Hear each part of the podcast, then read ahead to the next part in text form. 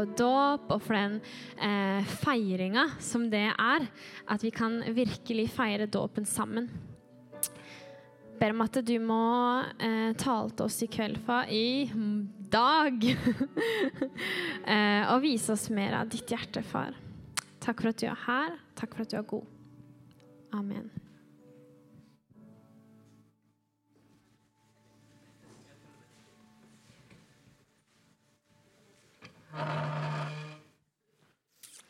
Ja, vær så god, sitt. Det er veldig, veldig bra. Så bra å se dere i dag! Skal vi se Ja, så utrolig bra å se dere i dag, og gøy at uh, det er også litt nye fjes. Uh, jeg er jo da Tina Charlotte, Tina, og er ungdomspastor her i kirka. Og eh, I dag så er det jeg som skal eh, dele litt med dere. Men jeg bare ville starte med å si det at det er fantastisk å se dere! Og det å komme sammen på søndagene som Kristi kropp, det er eh, virkelig en glede. Så det er bra å være sammen med dere i dag. Um, og da jeg forberedte meg til den talen her, så opplevde jeg at uh, jeg skulle prate om relasjon. Så temaet for i dag det er rett og slett en levende relasjon. Og det er litt sånn, Jeg var litt sånn til Gud, da. Prata litt til Gud. Sånn, «Ah, ja, men Det er jo veldig sånn basic, og er det, det, er det virkelig det vi skal prate om? Men alt handler jo om relasjon. Hele liksom kristenlivet vårt, hele livet vårt med Jesus, det tar jo utgangspunkt at vi, i at vi har en levende relasjon med han.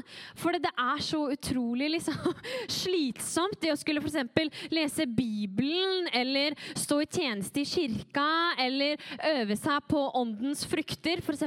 tålmodighet. Alle de tinga her uten å ha en levende relasjon med Jesus. Det blir veldig heavy og slitsomme greier. Så det er så viktig at en levende relasjon med Jesus, at det er det som er på bånn. At det er det som er utgangspunktet vårt når vi går inn i kristenlivet. Og gjennom livet med Han, så er det det som er Det ligger på bånd. Det er grunnmuren vår. Og så går vi med det videre når vi skal liksom fortsette på den veien eh, som vi går på da, i livet.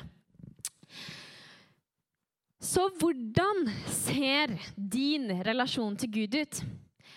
Er det en levende relasjon? Er det en relasjon som du holder varm? Som du stadig prater med Gud, og han prater med deg? Og det er ikke bare en relasjon du har, men det er en levende relasjon. Og hvorfor det er viktig å prate om det her, eh, er fordi jeg tror at det er essensen i evangeliet.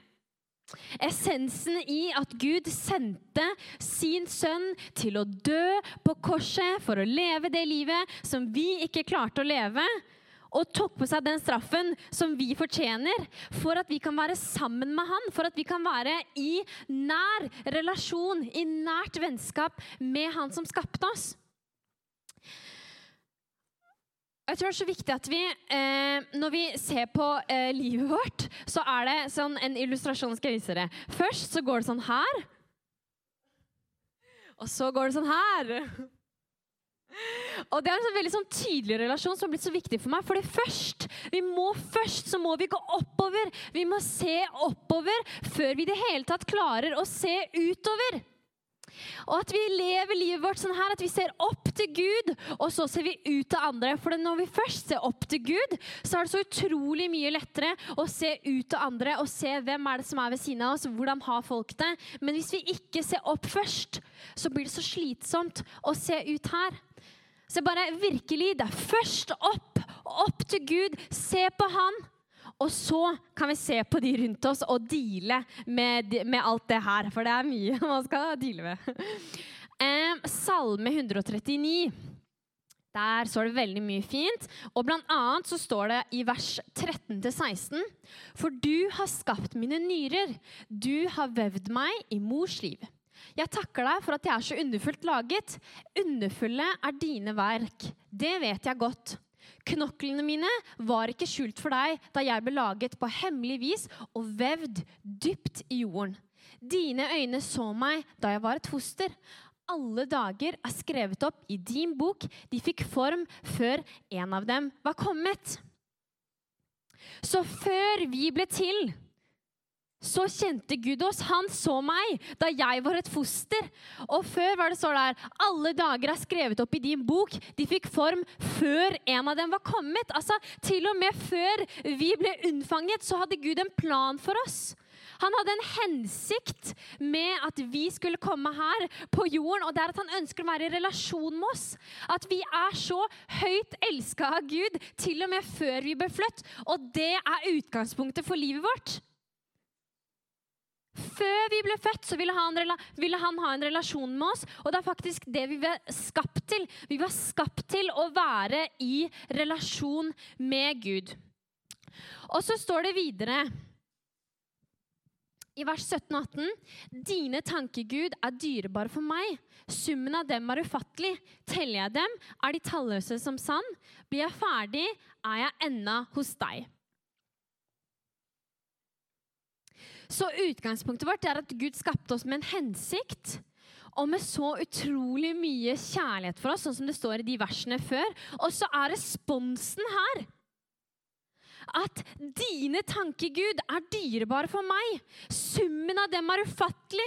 Teller jeg dem, er de talløse, talløse som sand.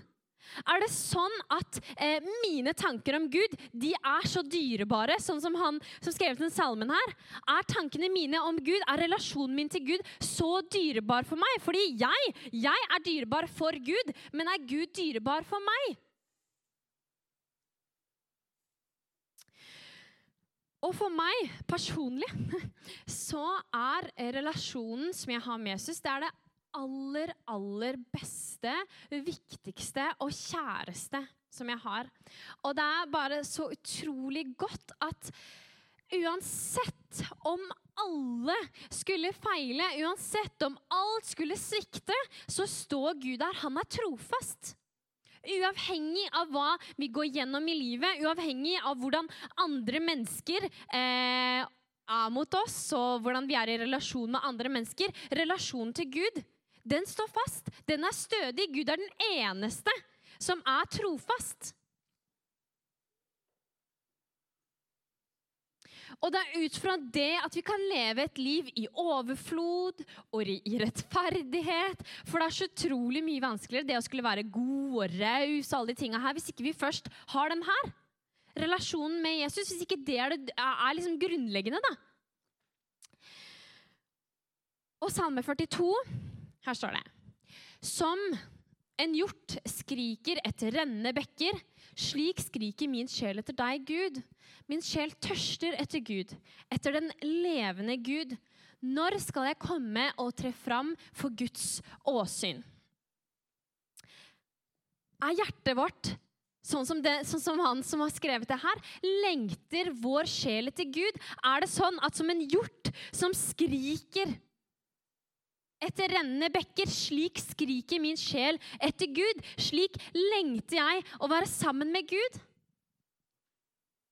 Er relasjonen til Gud noe som vi lengter etter? For Det er en eh, historie i Bibelen som snakker om en skatt. Og den skatten her, Det er mye Bibel i dag, men det tåler vi! eh, for det er Guds ord. Det er så bra. Eh, og blant annet I Matteus skal jeg bare lese, den kommer ikke opp på skjermen, så dere må bare følge med. Matteus 13,44 så står det at himmelriket er likt en skatt som var gjemt i en åker. En mann fant den, dekket den til igjen, og i sin glede gikk han bort og solgte alt han eide, og kjøpte åkeren. Himmelriket er også likt en mann, en kjøpmann, som lette etter fine perler. Da, han, da han fant en særlig verdifull perle, gikk han bort og solgte alt han eide, og kjøpte den. Så her er det to menn som har funnet de har finnet, Jeg tror det er sånn vi kan sammenligne det, at de har funnet Gud. De, de har funnet ut at det, den skatten her, den er det verdt. Tenk på han mannen som han fant skatten, han gjemte den, og så gikk han og solgte absolutt alt han eide, for å kunne ta vare på denne skatten. Og jeg tror den skatten kan sammenlignes med vår relasjon til Gud. Det at Gud elsker oss, det, vi, det, at vi kan være i relasjon med Han, det er så dyrebart. Det er som en sånn her skatt som vi må ta vare på. For så viktig er det. Og så er spørsmålet sånn, Hvis relasjonen vår med Gud hvis det var det eneste vi hadde, Hvis alt annet forsvant, er vi da fornøyd med at det faktum at vi kan ha relasjon, det at vi kan ha fellesskap med Gud, er det nok for oss? Er det det som er liksom grunnpilaren og grunnmuren i kristenlivet vårt? Og at hvis alt annet skulle forsvinne, er vi fortsatt fornøyde? Kanskje møter vi på Ikke kanskje. Vi kommer til å møte på endringer i livet. Kanskje har man kjent på at man føler seg utestengt, at man har en trygg relasjon som plutselig forsvinner. Kanskje kom du ikke inn på den utdannelsen som du skulle, eller at det du så for deg, det ble ikke helt sånn. Kanskje er du på husjakt eller på jakt etter leilighet, og det, bare, det ser ut som du ikke finner noen ting. Alt er liksom tatt. Eller kanskje fikk du ikke den jobben som du skulle. Kanskje er det vanskelig med økonomi. Du, ja, du, du sliter økonomisk, rett og slett. Kanskje så har du mista jobben. Du står kanskje midt oppi det her med liksom knuste drømmer og håpet om at ting skulle se annerledes ut. At du tenkte at ok, men by now så burde jeg jo vært her. Kanskje så blei det annerledes enn det du hadde tenkt. Det ble ikke sånn som du trodde. Og da er det så viktig at vi, vi trenger en relasjon med Gud som tåler alt. For realiteten er at livet Kanskje du relaterer til noen av de tingene her. Det tror jeg mange kan kjenne på. At livet det kommer, til å, kommer til å kaste ting på som bare åh, uforutsett, og det hadde jeg ikke regna med, og det, ting ble ikke som, som vi hadde tenkt. Men da er det så viktig at relasjonen vår med Jesus den står fast. Den rokkes ikke av hardt vær. Det er noe som er, det er denne skatten som er så dyrebar for oss at vi tar vare på den. Så selv da, når livet kommer med de her vanskelighetene som bare du føler får liksom slag på slag i trynet, så står relasjonen med Jesus fast. Den rokkes ikke ved. Vi trenger å ha en relasjon med han som klarer å Og vi kommer oss gjennom nedturer, og så kommer vi oss gjennom oppturer. Noen ganger så går livet så på skinner at vi bare glemmer Gud helt. Og oh, 'Se hva jeg får til!' ikke sant? Men at vi, vi har den relasjonen, en levende relasjon, som gjør at vi kan navigere oss gjennom livet. Men den, den står stødig. La oss ta vare på den skatten. Fordi Gud, han har gjort seg selv tilgjengelig for oss. Gud han har ofra mye for at vi skal få lov til å ha relasjon med han, sånn som vi har i dag, for at vi har Den hellige ånd. Han sendte sønnen sin til å dø på korset. Gud han ofra det, største offeret i historien. Det var det Gud som ga. Han sendte sønnen sin, og Jesus han led en utrolig smertefull og ydmykende død. Har tenkt på det når vi leser historien om Jesus. Det er så utrolig ydmykende. Han blir spytta på, han blir hånt. Hvis du er Kristus, redd deg selv, da! Når han henger der på korset og blir torturert til døden. Altså, Det er et helt sinnssykt offer som Gud var villig til å gjøre for at vi kunne ha relasjon med han. Så da er det så viktig at vi tar vare på skatten. Fordi vi har funnet den. Vi har funnet meninga med livet, det å ha relasjon med Han. Tenk at det er en skatt som jeg har funnet, og jeg har sett at det, wow, her er skatten! Og i det så tar vi vare på den. Og vi mater den med det som, eh, sånn som vi kan mate den, sånn at den på en måte fortsetter å være levende. Så vi trenger ikke stå i det livet her aleine. Og det er så utrolig godt å kjenne på at ikke vi ikke trenger å stå alene. Og um, Forrige helg så eh, ble det, så, eh, det ble så tydelig for meg. For det, eh, jeg var på reise og hadde vært et bryllup i Tyskland. og så hadde jeg ikke planlagt så bra. Så dagen før jeg skulle hjem, så var jeg litt sånn Jeg vet ikke helt hvordan Jeg tror jeg bare, jeg bare booka meg inn på et fly fra Hamburg. Det ordna seg, liksom. men siden jeg ikke hadde planlagt det så bra, så fikk jeg da ganske mange timer på den flyplassen i forkant. Og da hadde det liksom vært bryllup, og jeg hadde hatt det litt vondt i hodet. og det, var liksom, det har vært en lang helg, hvor vi hadde hjulpet til å liksom rigge ned og ting og tang. Og jeg bare kjente at det, åh, nå er jeg egentlig sykt sliten. Men det, her, det blir mange timer på flyplassen. Gud, det, det, kommer til å ordne seg. Og når jeg gikk rundt der på flyplassen og egentlig kjente på at nå er jeg litt sånn trøtt og sliten, Gud, så ble det så tydelig for meg at men jeg går jo ikke her aleine. Det er ikke sånn at jeg går rundt sliten og bare Åh, nå er det håpløst, liksom. Det er jo meg og Jesus som går rundt på flyplassen her. Og det var liksom virkelig sånn, det føltes så ut som at det var jeg og Jesus som gikk sammen rundt omkring. Og det er, sånn, det er, så, det er så små ting, men det er det som er å ha en levende relasjon. At vi går sammen med Jesus side om side i livet. Og det var meg og Jesus som gikk rundt der og hadde mange timer på flyplassen sammen. Meg og Jesus. Og det var meg og Jesus som var sånn Åh, Jesus, hvor, hva skal vi finne på nå? Nå er det liksom så, så mange timer igjen. Og hva skal vi gå? Nei, vet du hva? Jeg og Jesus, vi gikk Jeg tror jeg skal gå og kjøpe en kaffe her. For det, det gjør vi, liksom. Det Var, jeg prata med Gud. Hva, hva, tror du? Jo, kaffe her og sjokolademuffins.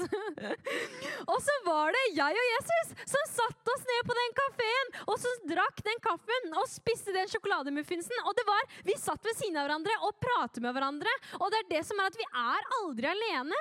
Gud han er med i de vanskelige tingene, og han er med i det som er helt ubetydelige. Hvorfor? Fordi han ønsker å være i relasjon med oss. Og da er det ikke bare liksom de store tingene i livet. Nei, det er alle ting. Alltid. 24-7.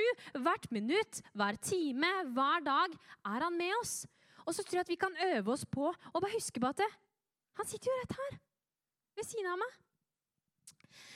Og eh, jeg tenkte jeg skulle fortelle en historie om det her er noen år siden. Da hadde jeg en jobb hvor jeg sto mye på jobb. Jeg sto liksom hele dagen, og jeg hadde stått hele dagen. Og igjen så var jeg veldig sånn, åh, jeg var så sliten, for jeg hadde stått hele dagen. Og så hadde jeg tatt bussen hjem, og så hadde jeg gått hjem. Så jeg var sånn helt sånn det, når du er så sliten at du bare har lyst til å begynne å grine, men det kan man ikke.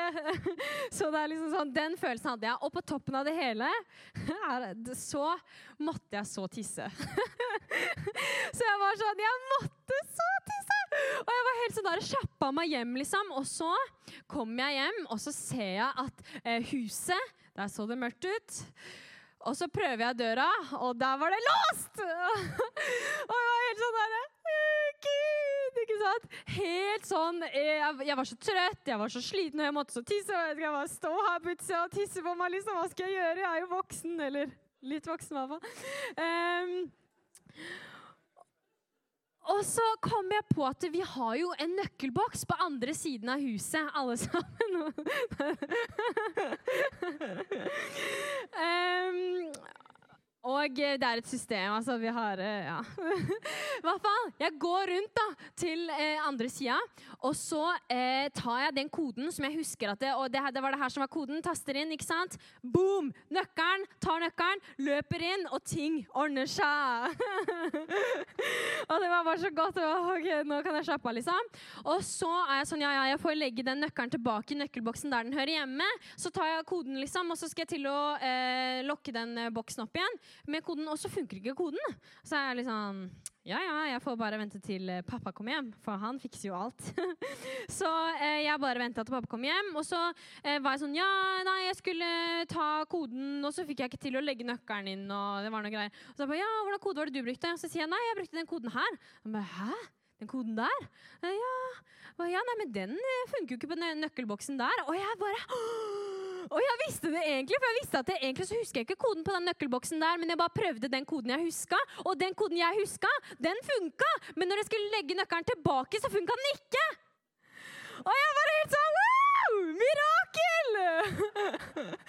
og jeg tror oppriktig at det var et mirakel. For av en eller annen grunn så funka koden i det sekundet som jeg trengte det. Og jeg bare tror det er Gud i hans kjærlighet. Det var ikke sånn at jeg sto i fem minutter og bare Jeg ber for den nøkkelboksen at den skal Ikke sant? Det bare ordna seg for meg. Fordi jeg går sammen med Jesus, så kommer det også favør, tror jeg, da. Og så tror jeg noen ganger så, måtte, så, må vi kanskje stå der i fem minutter og liksom be om at, skal, at noe skal ordne seg. At uh, Gud, du må, du må, på en måte make a way. Eh, men andre ganger så er Gud med oss i det dagligdagse. Han bryr seg om våre behov, enten de er store eller de er små. Og han bare, i det så bare er han med oss. Som sagt, Det var ikke sånn at jeg sto og ordna og ba og styra på, men det var liksom bare et sånn sukk til Jesus. Åh, jeg er så sliten, Gud.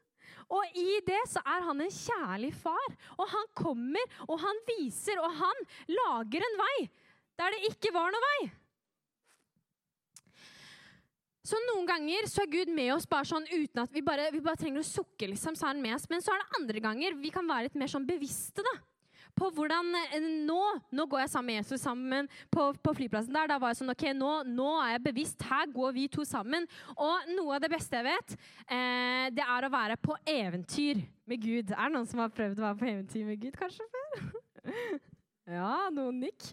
Det er i hvert fall min favoritting. Og på eventyr med Gud da eh, er det ofte når jeg er ute og reiser. For da møter man så masse folk. Så eh, det her var en gang for noen år siden, når jeg var i eh, Frankrike. Da bodde jeg der. Lite kunstpause. Og da tok jeg toget hjem fra et eller annet sted. Og da var det en togtur som var jeg vet ikke helt hvor lang det var, noen timer. Eh, og når jeg måtte ut og reise, så sier jeg ofte liksom sånn at nå er jeg tilgjengelig for deg, Gud. Så ofte når jeg er ute og reiser, så møter jeg og kommer i prat med folk. da. Og så kommer jeg inn på det toget her, og så setter jeg meg ned ved siden av en mann. Og så vet jeg at jeg må fortelle han om evangeliet. Og så blir jeg sånn Nei! på en måte, Samtidig som det er det gøyeste som fins. Så jeg blir litt sånn Ja, skal jeg det, Gud? Og jeg, jeg, kjenner at jeg er så nervøs. Og jeg hadde akkurat kjøpt meg en sånn sandwich, så jeg var liksom OK, Gud. La meg bare spise opp denne brødskiva, eh, og så kan jeg snakke med han, liksom.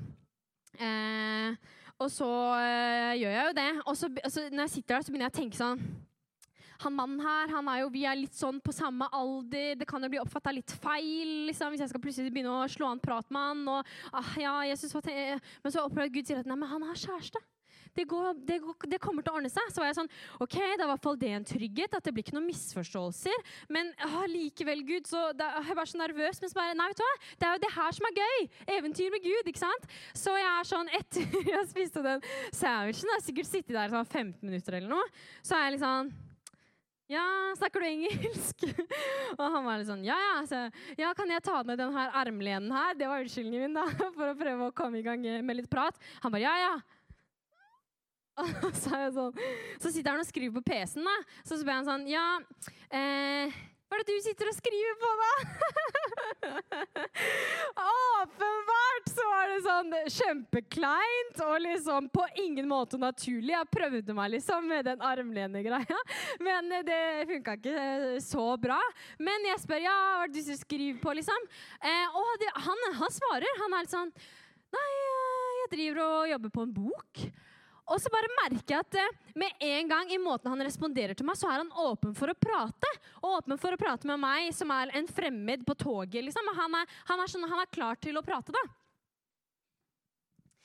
Og så setter jeg meg ned, og så begynner vi å prate. Og så spør jeg hva så spennende da, hva bok er det du skriver. Nei, eh, det var en bok om en mann som var ute og reiste, og som prøvde å finne meninga med livet.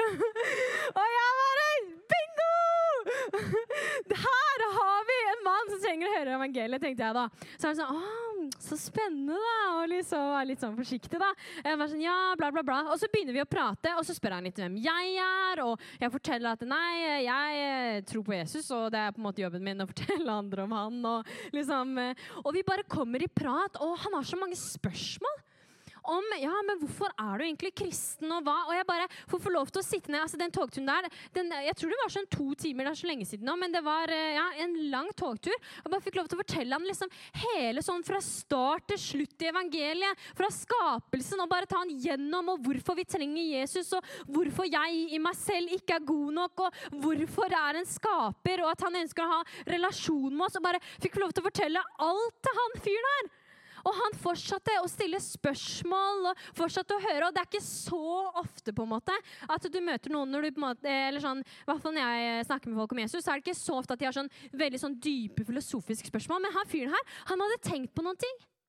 Og så spør han at du eh, er det sånn at den boka egentlig handler om deg, eller? Og han bare Ja. og jeg bare ah, utrolig sterkt å få lov til å fortelle hvem Jesus er, og hva som jeg tror er meninga med livet. Og jeg opplever jo at jeg har jo nøkkelen. Det er jo Jesus. Og han fyren her han hadde tatt utdannelse i sånn mange år tatt utdannelse for å komme inn i denne spesielle sånn, skikkelig sånn prestisjeyrket. Og da var det mye penger å hente, og det var liksom den jobben. da.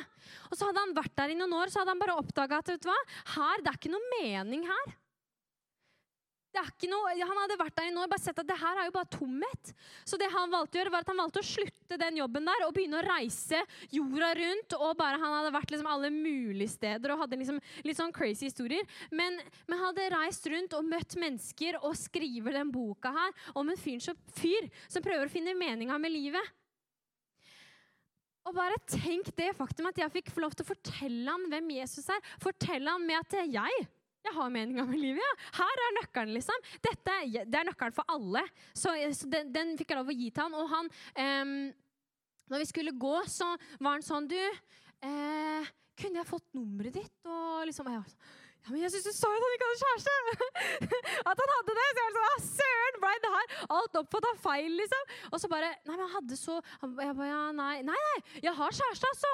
Det er bare, Hvis jeg har flere spørsmål, så kan jeg sende det til deg! Og jeg bare ah, Halleluja! Tenk det! Han tok initiativ til at han ville liksom høre mer. da. Og Det er sånne her ting vi kan få lov til å være med på når vi er kristne. Når vi tror på Jesus, når vi lever i en levende relasjon med han. At vi kan få lov til å være på eventyr med Gud. At vi kan få lov til å møte mennesker og dele med de den sannheten som vi sitter på.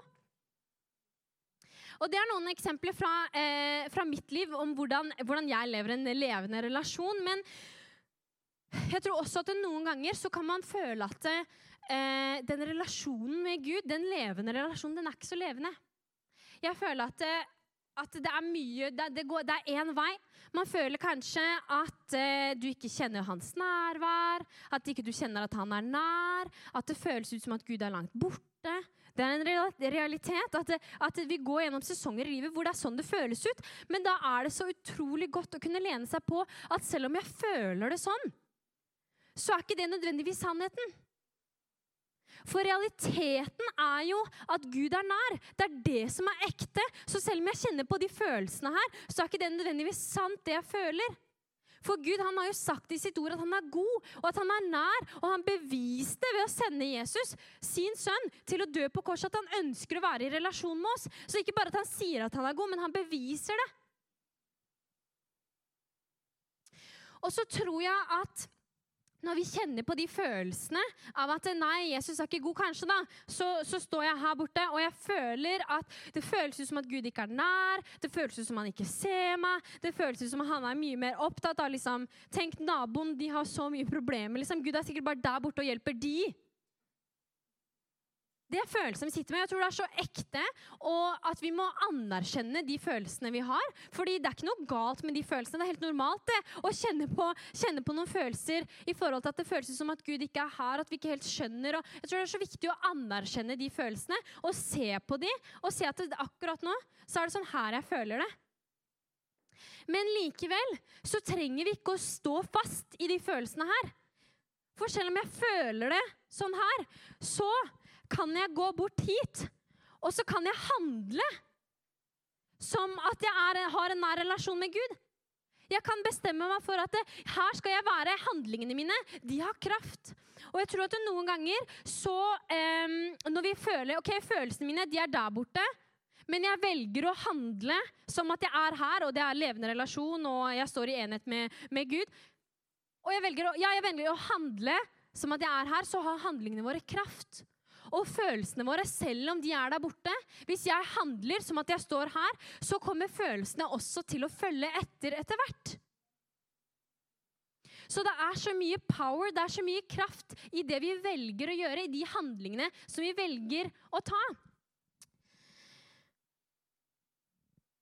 Og jeg tror at uavhengig om du kjenner at du føler at du er, følelsene dine de er der borte, eller at du kjenner at følelsene dine er her, og jeg kjenner Gud, og det er så godt å være i relasjon med Han, uavhengig av hvor du er på skalaen, så tror jeg at noen viktige ting vi kan gjøre for å ha en levende relasjon, det eh, har jeg satt opp noen punkter. Og det første punktet, det er å starte med sinnet vårt med tankene våre.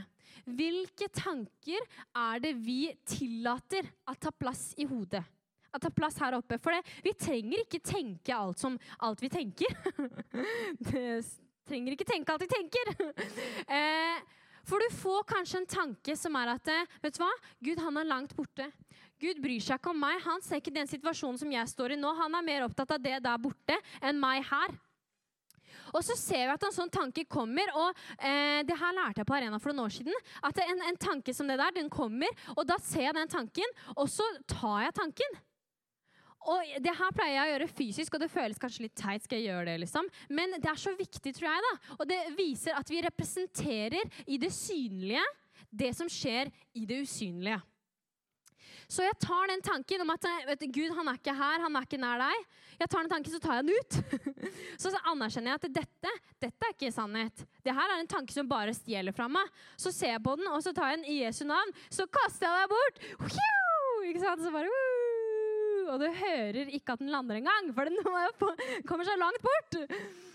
Eh, og Det er en måte som vi kan eh, arbeide med sinnet vårt og anerkjenne tanker. At disse tankene de bringer meg ikke liv. Og jo mer vi øver oss på det, øver oss på å ta tanker til fange Den tanken der, f.eks.: Du er ikke verdt noe. Den tanken, den tar jeg. Og så i Jesu navn ser jeg på den, og så kaster jeg den vekk. i Jesu navn. Og så fyller vi på med sannheten. Og sannheten den finner vi i Guds ord. Og Guds ord det sier at Gud han er nær, Gud han er god. Gud han sendte sin sønn til å dø for meg. Gud sier at jeg har fredstanker og ikke ulykkestanker. Sier at jeg så deg når du var et foster. Dette er sannheten, så da fyller jeg på med den sannheten. Så det er sinnet vårt. Og så tror jeg vi kan gå videre på bønn. Fordi For å ha en levende relasjon så er det essensielt at vi snakker med Gud. At jeg snakker med Gud, og han snakker med meg. Det er jo det som er relasjon. At det er toveiskommunikasjon. Og jeg tror vi kan være ærlige med Gud, fordi han, han vet hvor mange hår jeg har på hodet mitt. Han kjenner meg bedre enn noen andre, på samme måte som han kjenner deg bedre enn noen andre. Ingen kjenner deg så godt som det Gud gjør. Så jeg tror at vi bare kan være, slippe ned garden og være ærlig med Gud. Være frustrert, fortelle ham om det som var vanskelig, det som er sårbart. Være ærlig med Gud. Og så tror jeg at Gud også prater til oss og at vi kan høre han, og at vi kan spørre Gud, hva mener du med det? Gud, hvor er du i det her? Jesus, vis meg.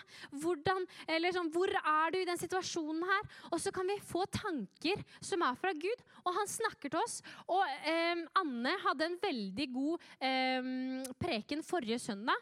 Så hvis du går inn på Spotify på, og søker på Arena Grenland, så finner du Anne sin preken fra forrige søndag, og da snakka hun om å høre Guds stemme og ulike måter som vi kan høre Guds stemme. Så hvis du er sånn, Det er mye kommunikasjon at du, du, snakker mye til Gud, men hvordan var det igjen med at han snakker til meg? Da kan du bare gå inn og høre der. Så har du masse gode eksempler og leder oss gjennom hvordan vi kan høre Guds stemme. Og så nummer tre, det er å lese Guds ord. For det er først og fremst gjennom Guds ord, det er der han snakker, og alt han sier, det stemmer overens med hans ord. Så selv om vi ikke føler for det, så tvinger vi oss selv. ikke sant? Jeg føler for å se på TV. Så bare nei, jeg handler som at jeg er her. Og jeg velger å Søren, mobilen Nei, kan gi meg den.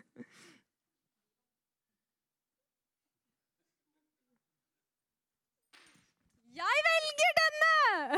Jeg tar opp og tvinger meg selv til å ta opp Bibelen og leser i den. Det velger jeg med handlingene mine selv, om følelsene mine egentlig bare har lyst til å se på TV. Og eh, Det er så utrolig mange måter som vi kan lese eh, Bibelen i dag. Vi kan lese den sånn som det her, som jeg tror er viktig. Eh, og så kan vi også lese den på engelsk og på spansk og alle mulige språk finner du inne på bibelappen. Du kan lese mange forskjellige oversettelser. Det er sånn sykt mye kan, eh, Det er mange ulike versjoner du kan lese av Guds ord. Noen som er litt mer kanskje lettleste, noen som er nærmere grunnteksten. Og så kan vi se på eh, videoer. Vi kan studere Bibelen. På YouTube fins det liksom The Bible Project. Det er et, eh, et vel, Eller Bibelen på eh, Ja, The Bible Project. Det er på norsk òg. Jeg husker ikke hva heter på norsk. Men eh, der finner du oppsummeringsvideoer av alle bøkene i Bibelen. Det er liksom så utrolig mange ressurser som vi har til å fylle oss med Guds ord. Og det er til og med på podkast! Og her om dagen, så, eh, det var i det samme bryllupet faktisk, så skulle jeg ta en togtur, og det skal jeg bare være ærlig på, at det tror jeg er en av de mest eh, røffe togturene jeg har hatt i mitt liv. Det var, eh, ja. Jeg var så trøtt og sliten, og jeg var sånn Gud, nå trenger jeg bare at hvis jeg er den Jeg følte meg litt sånn som den koppen her. At du må bare fylle på med ditt levende vann. Og det er sånn, ok, vet du hva? Det, det jeg trenger nå, det, det, er å høre Guds ord. Så bare tar inn øreproppene, og i løpet av den to, to og en halv time togturen så har jeg hørt gjennom hele Lukasevangeliet. Fantastisk at vi har sånne hjelpemidler. At vi på vei til jobb kan høre gjennom Efeserbrevet. Jeg tror det er sånn 16 minutter eller noe. Så god tilgang har vi på Guds ord at vi kan bare sitte og høre på og lytte til det. til Og med. Og det pleier jeg å gjøre hvis jeg kjenner at nå, er det slitsomt å lese Guds ord. Ta det på øret. Og så tror jeg det siste, det er fellesskap. For sånn som jeg starta med å si, så er vi Kristi kropp. Og eh, hvordan, kan Jeg husker ikke helt det bibelverset, men eh, du kan ikke være en øye når du er en arm. Og det er noe, det er noe sånt. Og det er så sant. Eh, de, de, versene der snakker om at det, Men vi alle er jo ulike lemmer på samme kroppen. Og det er så viktig at vi kommer sammen å ha fellesskap med hverandre, fordi vi har fellesskap med Gud, og så har vi fellesskap med hverandre. Og da kan vi faktisk være med og be for hverandre. Vi kan komme sammen i smågrupper, vi kan lese Guds ord sammen. Vi kan til og med spørre kan du be for meg. Nå står jeg i en, en så vanskelig uh, situasjon, og jeg føler at Gud er langt borte. Kan du være med og be for meg? Og bønn! Det virker mirakler. Du kan be for noen, og de står opp fra en rullestol. liksom. Det er helt, bønn, altså! Det er helt sykt. Så vi må være en del av fellesskapet.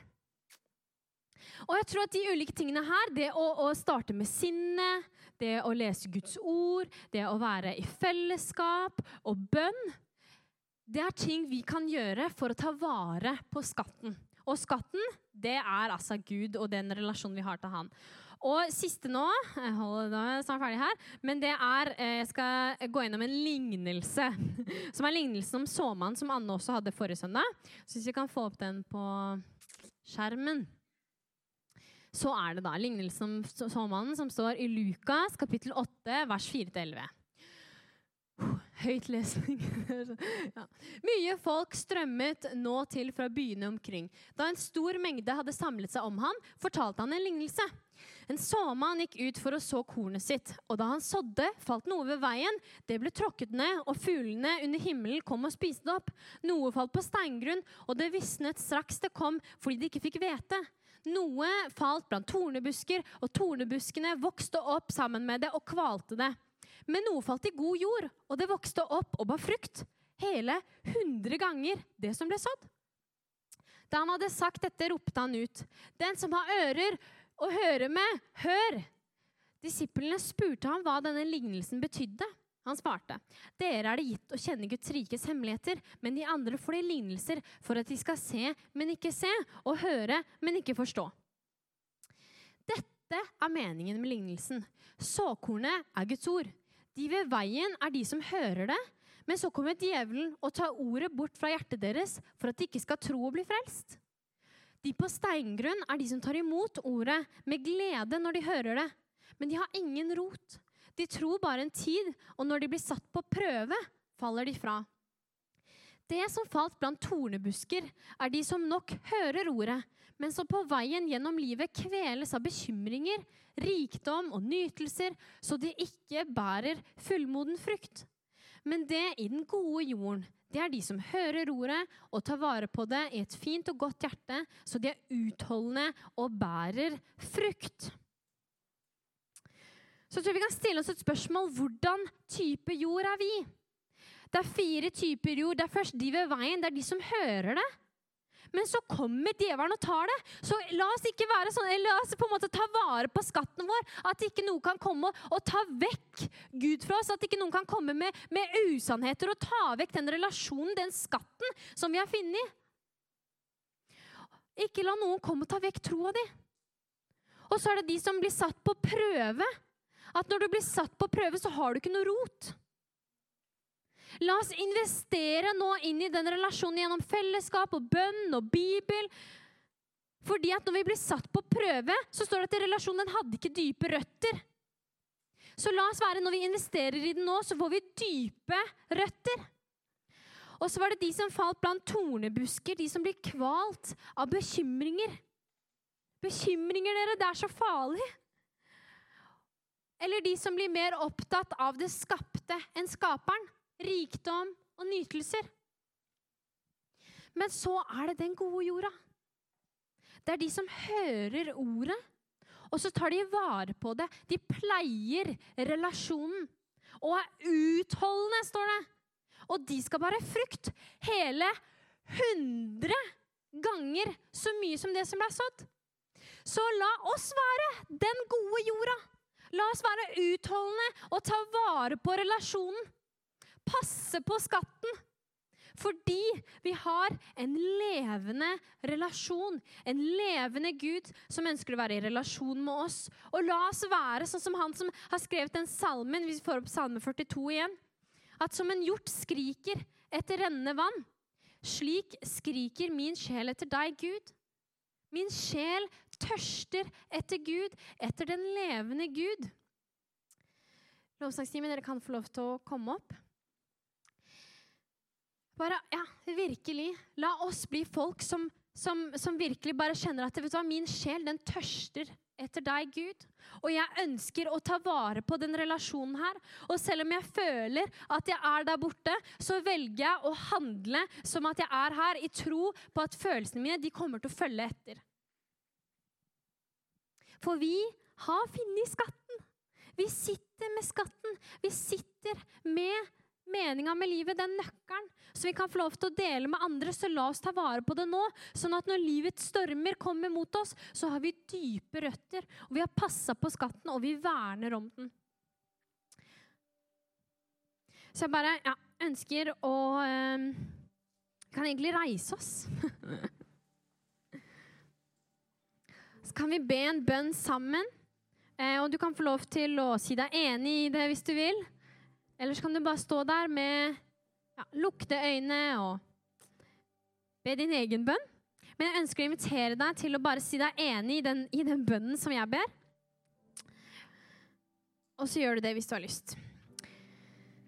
Så kjære far, takk for at du er her. Takk for at du er god, og takk for at du sendte din sønn som døde en ydmykende og en smertefull død, for at vi kunne ha relasjon med deg, for at vi kan være sammen med deg, at du går ved siden av oss i dagliglivet, i de store tinga, i livets stormer, så er du der, far. Ber om at du må hjelpe oss å bare virkelig ta vare på skatten. At vi får dype røtter. At sjelen vår tørster etter deg, Gud. For relasjonen vår til deg, far, det er det viktigste vi har. Det er den beste skatten. Så hjelp oss å ta vare på skatten. Hjelp oss å se deg i hverdagen, i ting vi går gjennom, om det er store eller små ting, far. Så be om at du må vise oss at du er nær. Hjelp oss å handle som at vi er her, som at vi er i nær relasjon med deg. Hjelp oss å lese Bibel, hjelp oss å be, hjelp oss å være en del av fellesskapet, far. Takker deg for at du lengter etter å være sammen med oss, far. Og jeg bare ber om at vi virkelig skal få lov til å kjenne på ditt nærvær her i dag og gjennom uka vår. At det er en levende relasjon med toveiskommunikasjon. At vi snakker med deg, og du snakker med oss. Takk, far, for at vi får være i relasjon med deg.